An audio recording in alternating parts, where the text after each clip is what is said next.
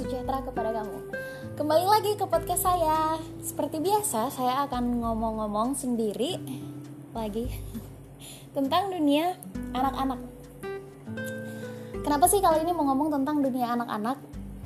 Um, karena seperti yang kalian tahu Kan aku punya ponakan tuh.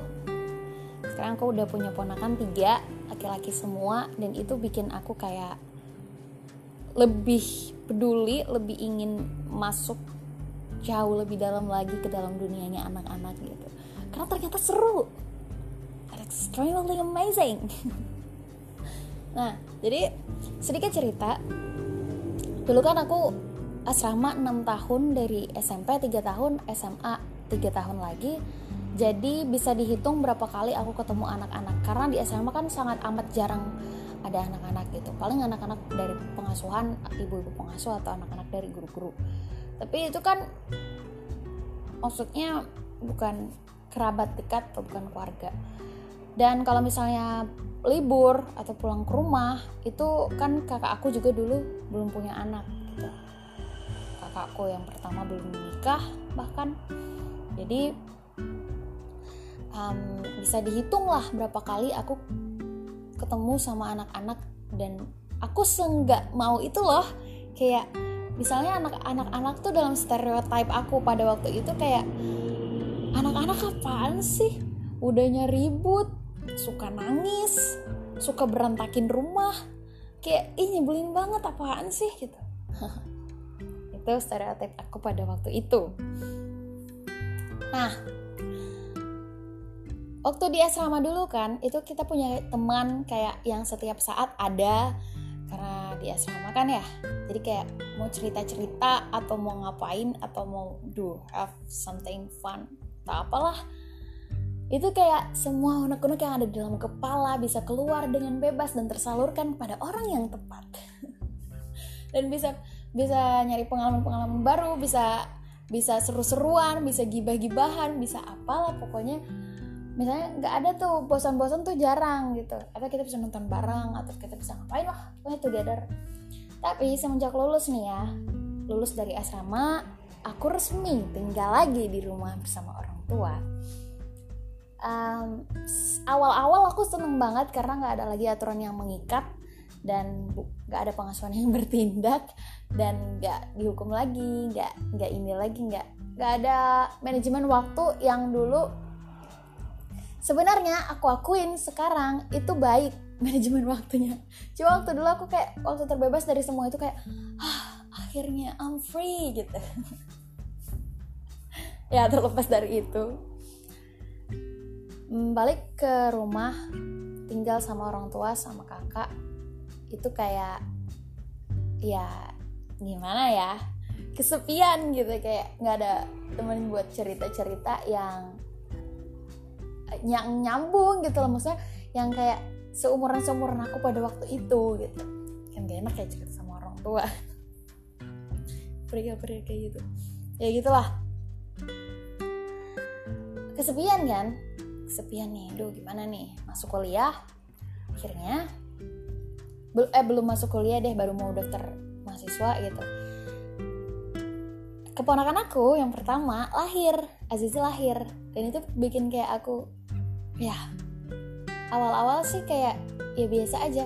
Tapi seiring berjalannya waktu aku sadar kalau dia itu banyak mengubah hidup dan cara pandang sih.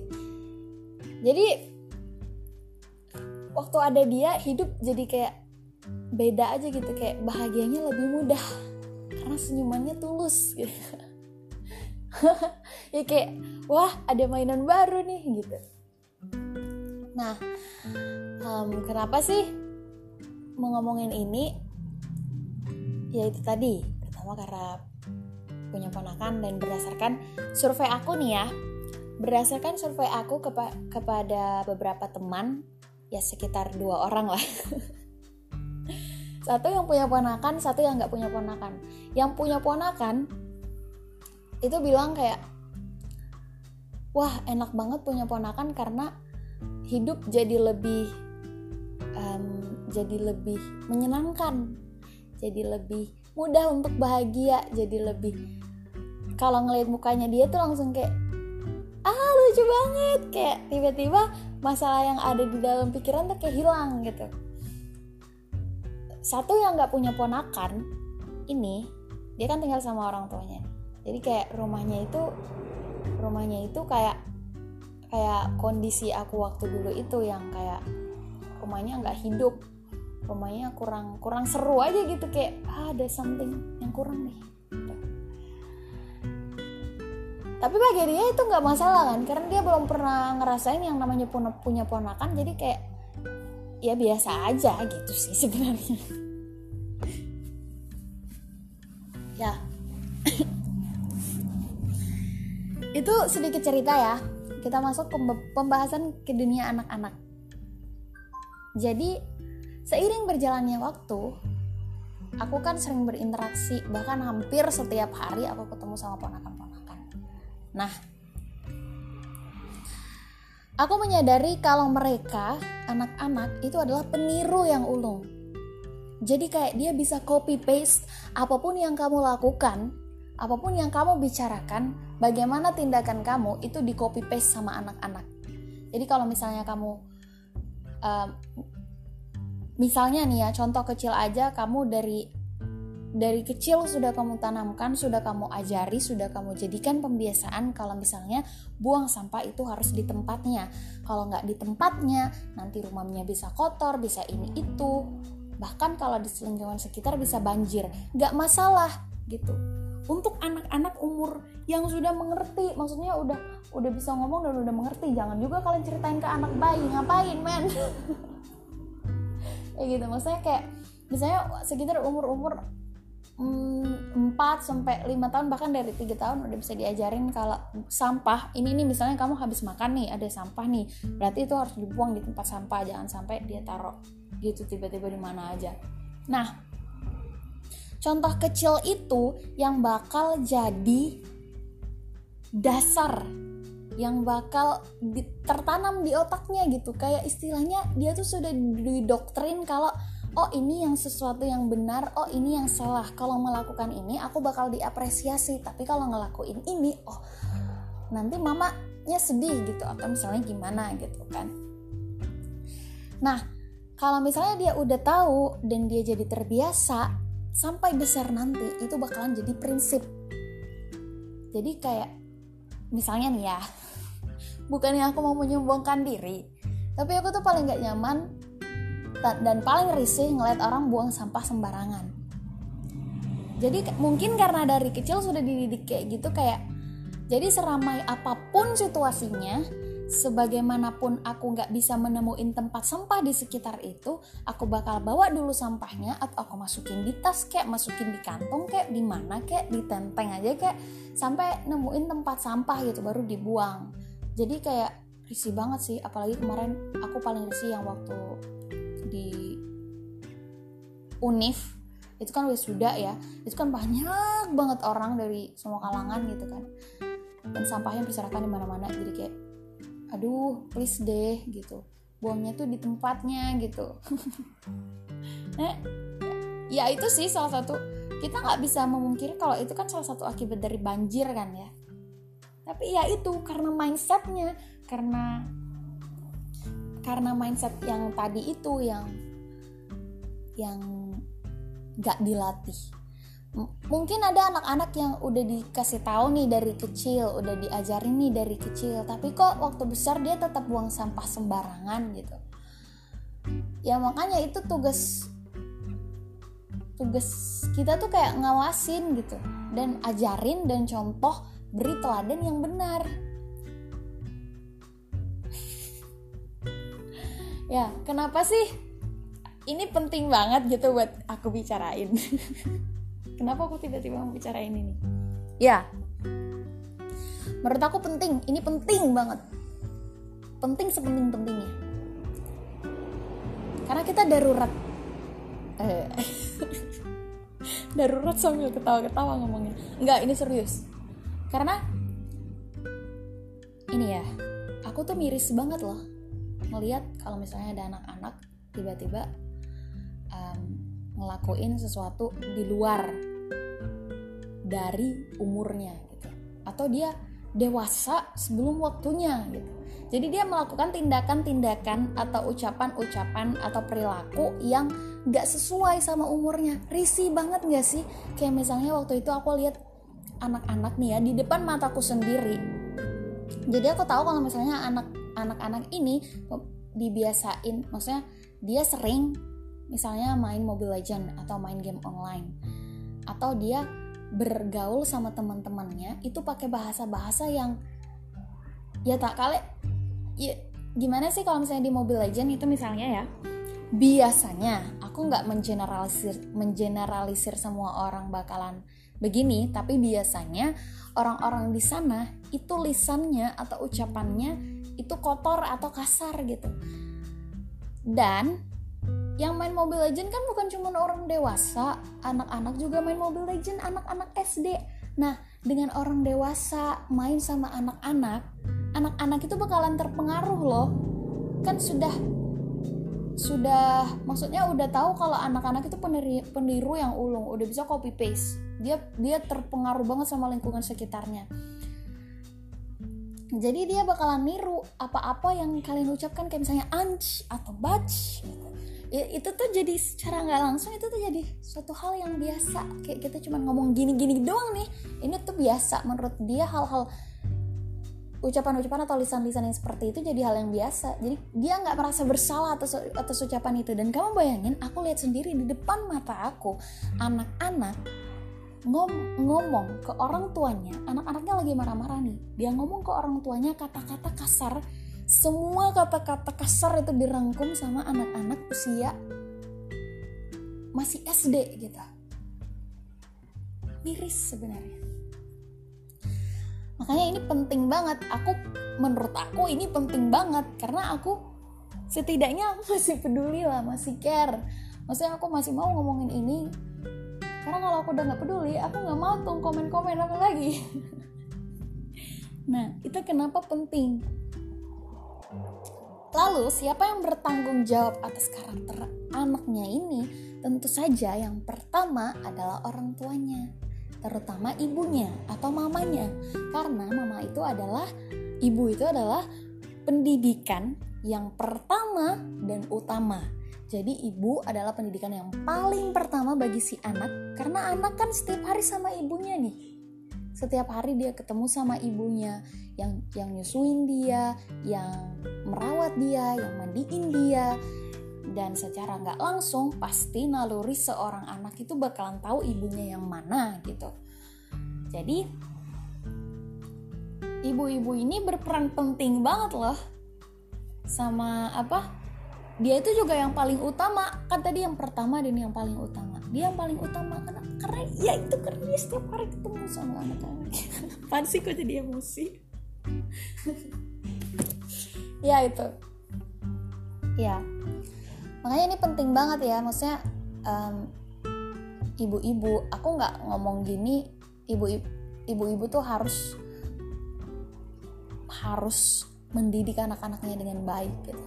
Aku nggak mau ngomong ini karena serta merta aku kayak har ibu tuh harus gini gini gini aku nggak ngomong ini karena maksudnya kita nggak perlu jadi orang tua kan untuk untuk ngomong hal-hal yang berkaitan dengan orang tua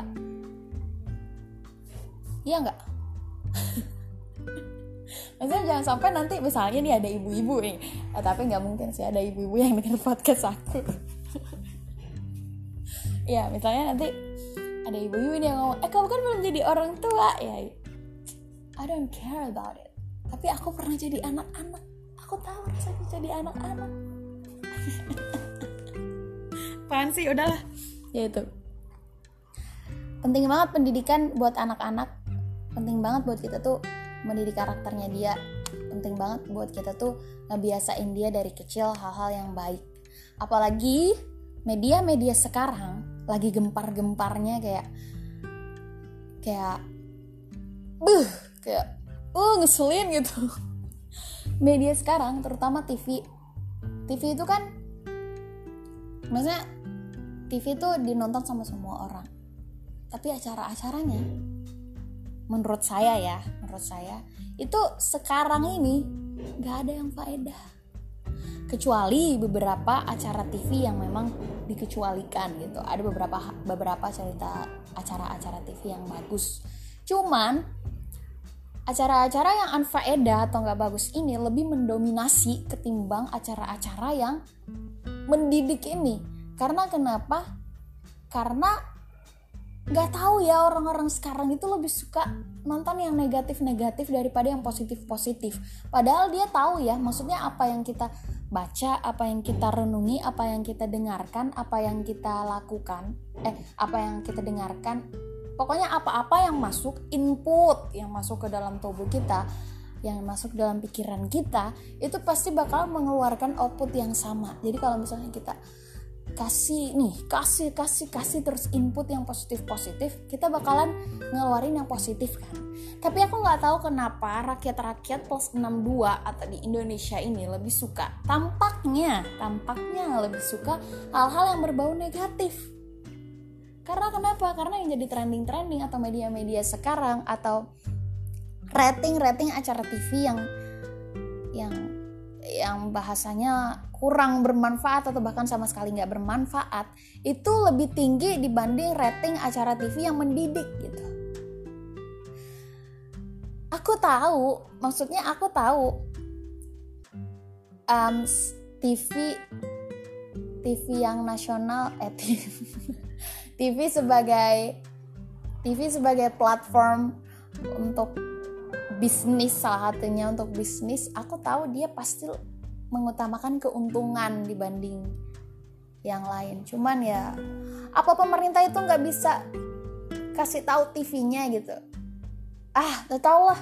Aku ngomongin itu sih? Kesel.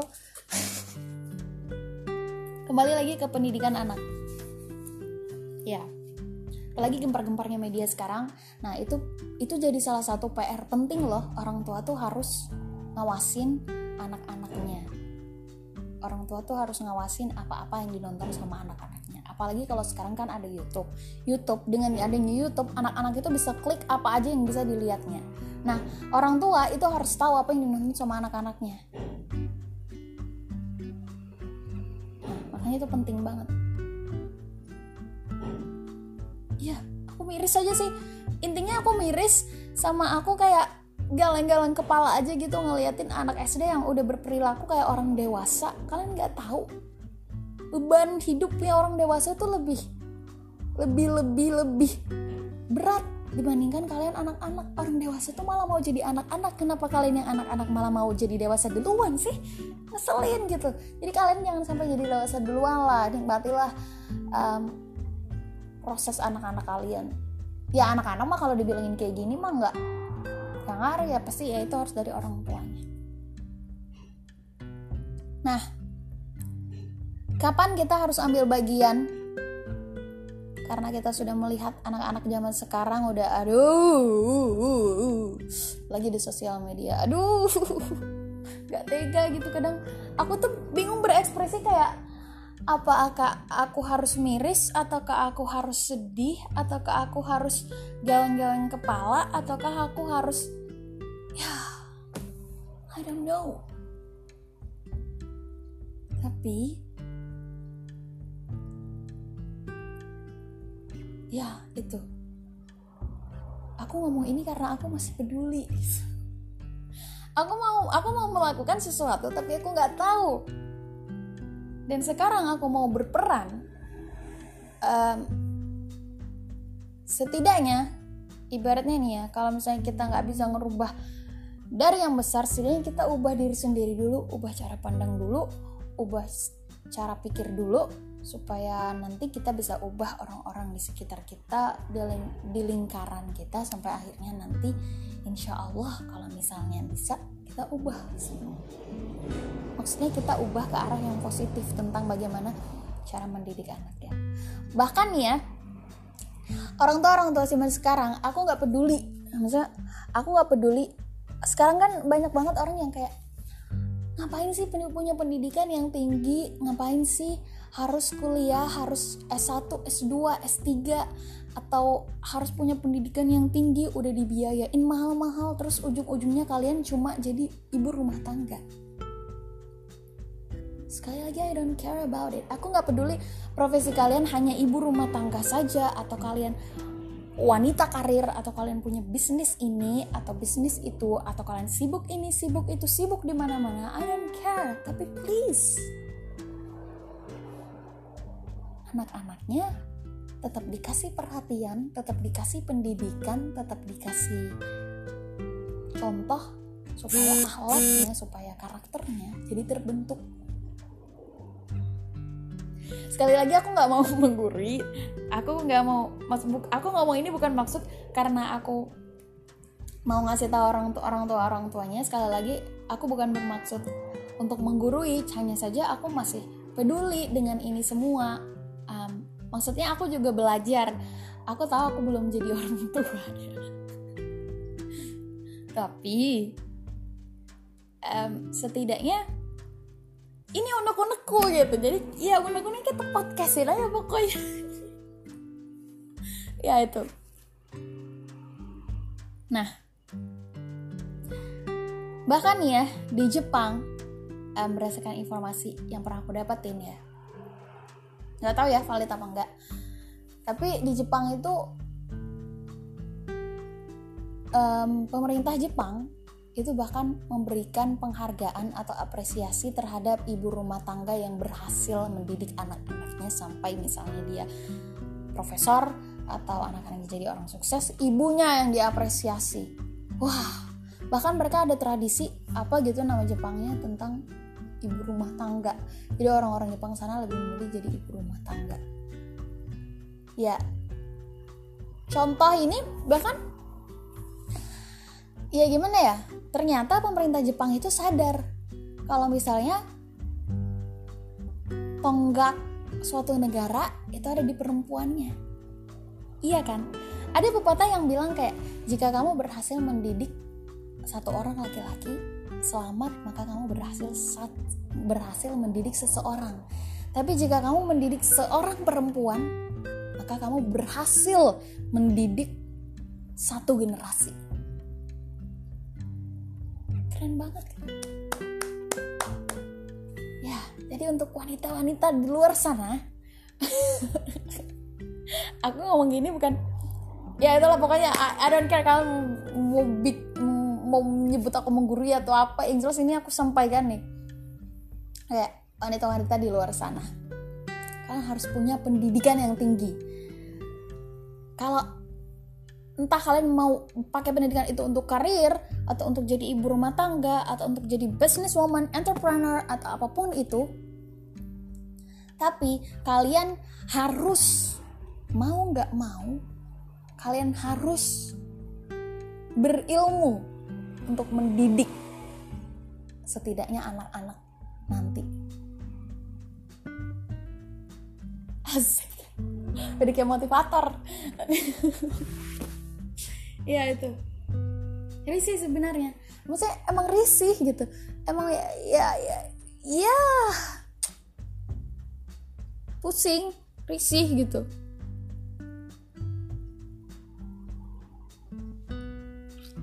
jadi um, gimana caranya sih supaya anak-anak itu bisa bisa apa?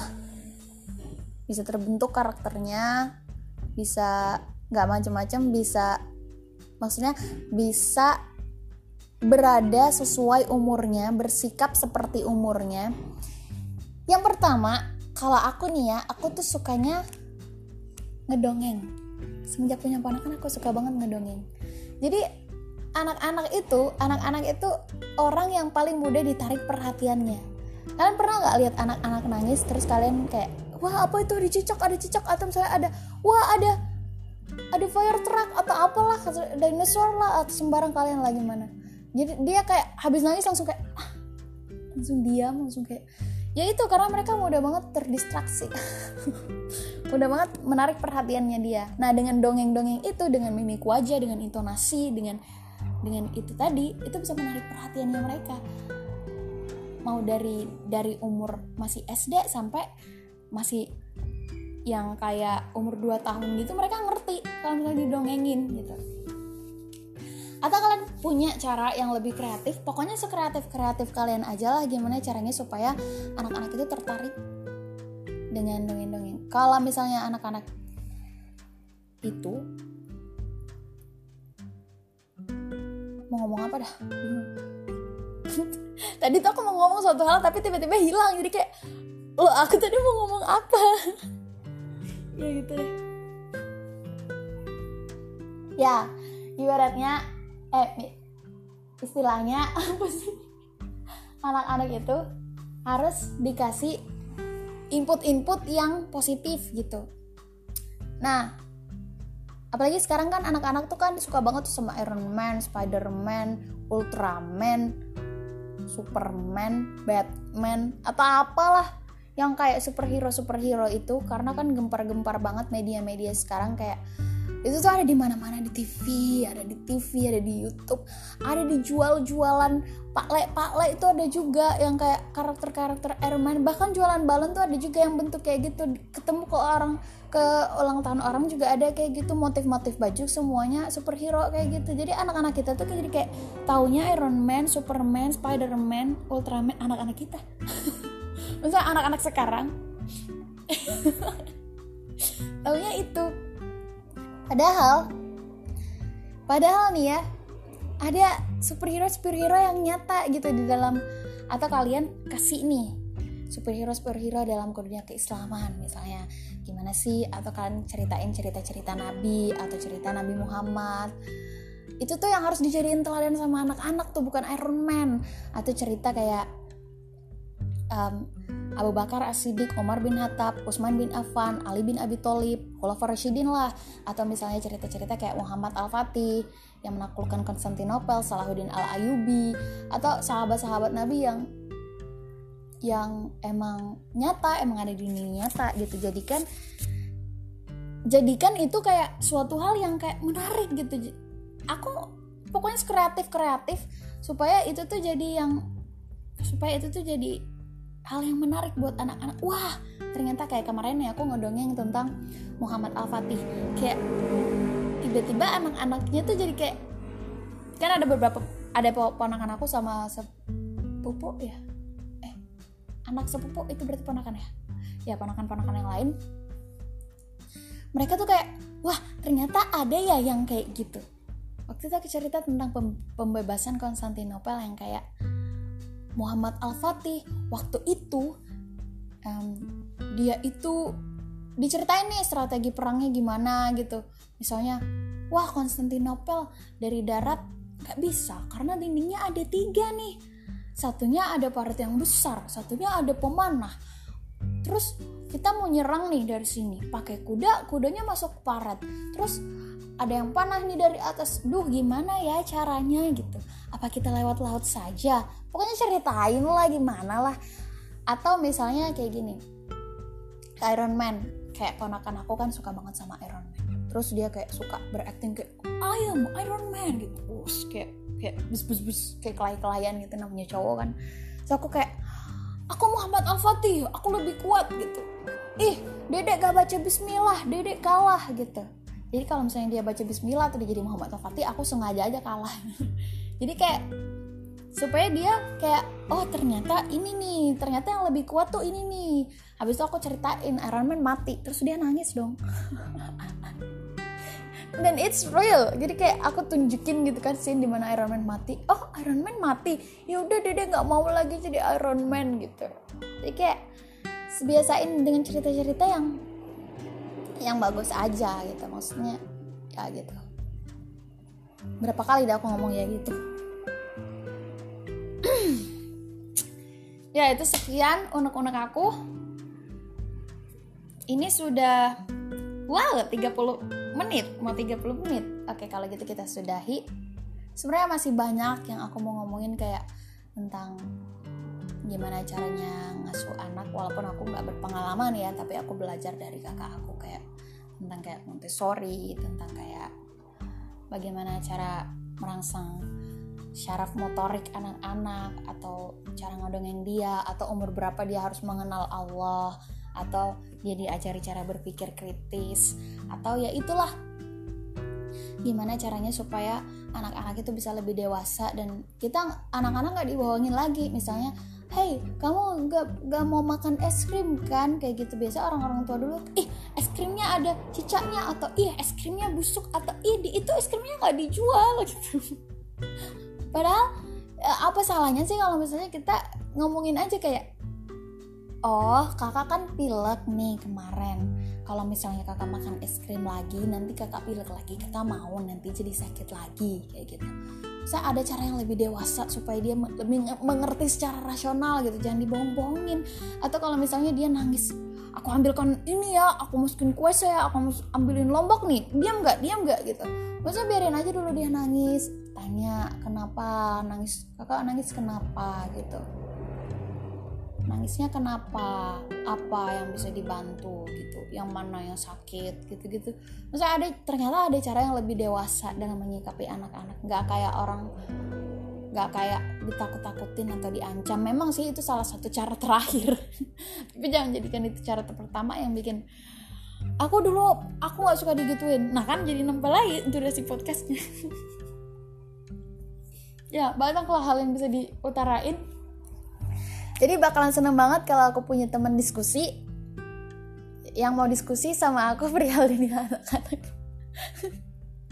Udah kayak apa aja kayak orang penting aja. Maksudnya ini bakalan jadi hal yang menarik untuk didiskusikan sama teman-teman daripada diskusi atau gibahin orang-orang. Jadi kayak ya lebih lebih lebih lebih berkualitas aja gitu. Udah? Um, makasih banget yang sudah mau dengerin sampai habis. Ini unek-unek saya sekarang tentang anak-anak. Nggak tahu nanti apa nambah apa berkurang apa gimana yang jelas aku ngomong ini bukan sekali lagi nih ya. Aku ngomong ini bukan aku ingin menggurui orang tua orang tua atau aku ingin aku ingin dicap sebagai manusia yang sempurna yang bisa bakalan nanti um, ngedidik anak-anak. Enggak.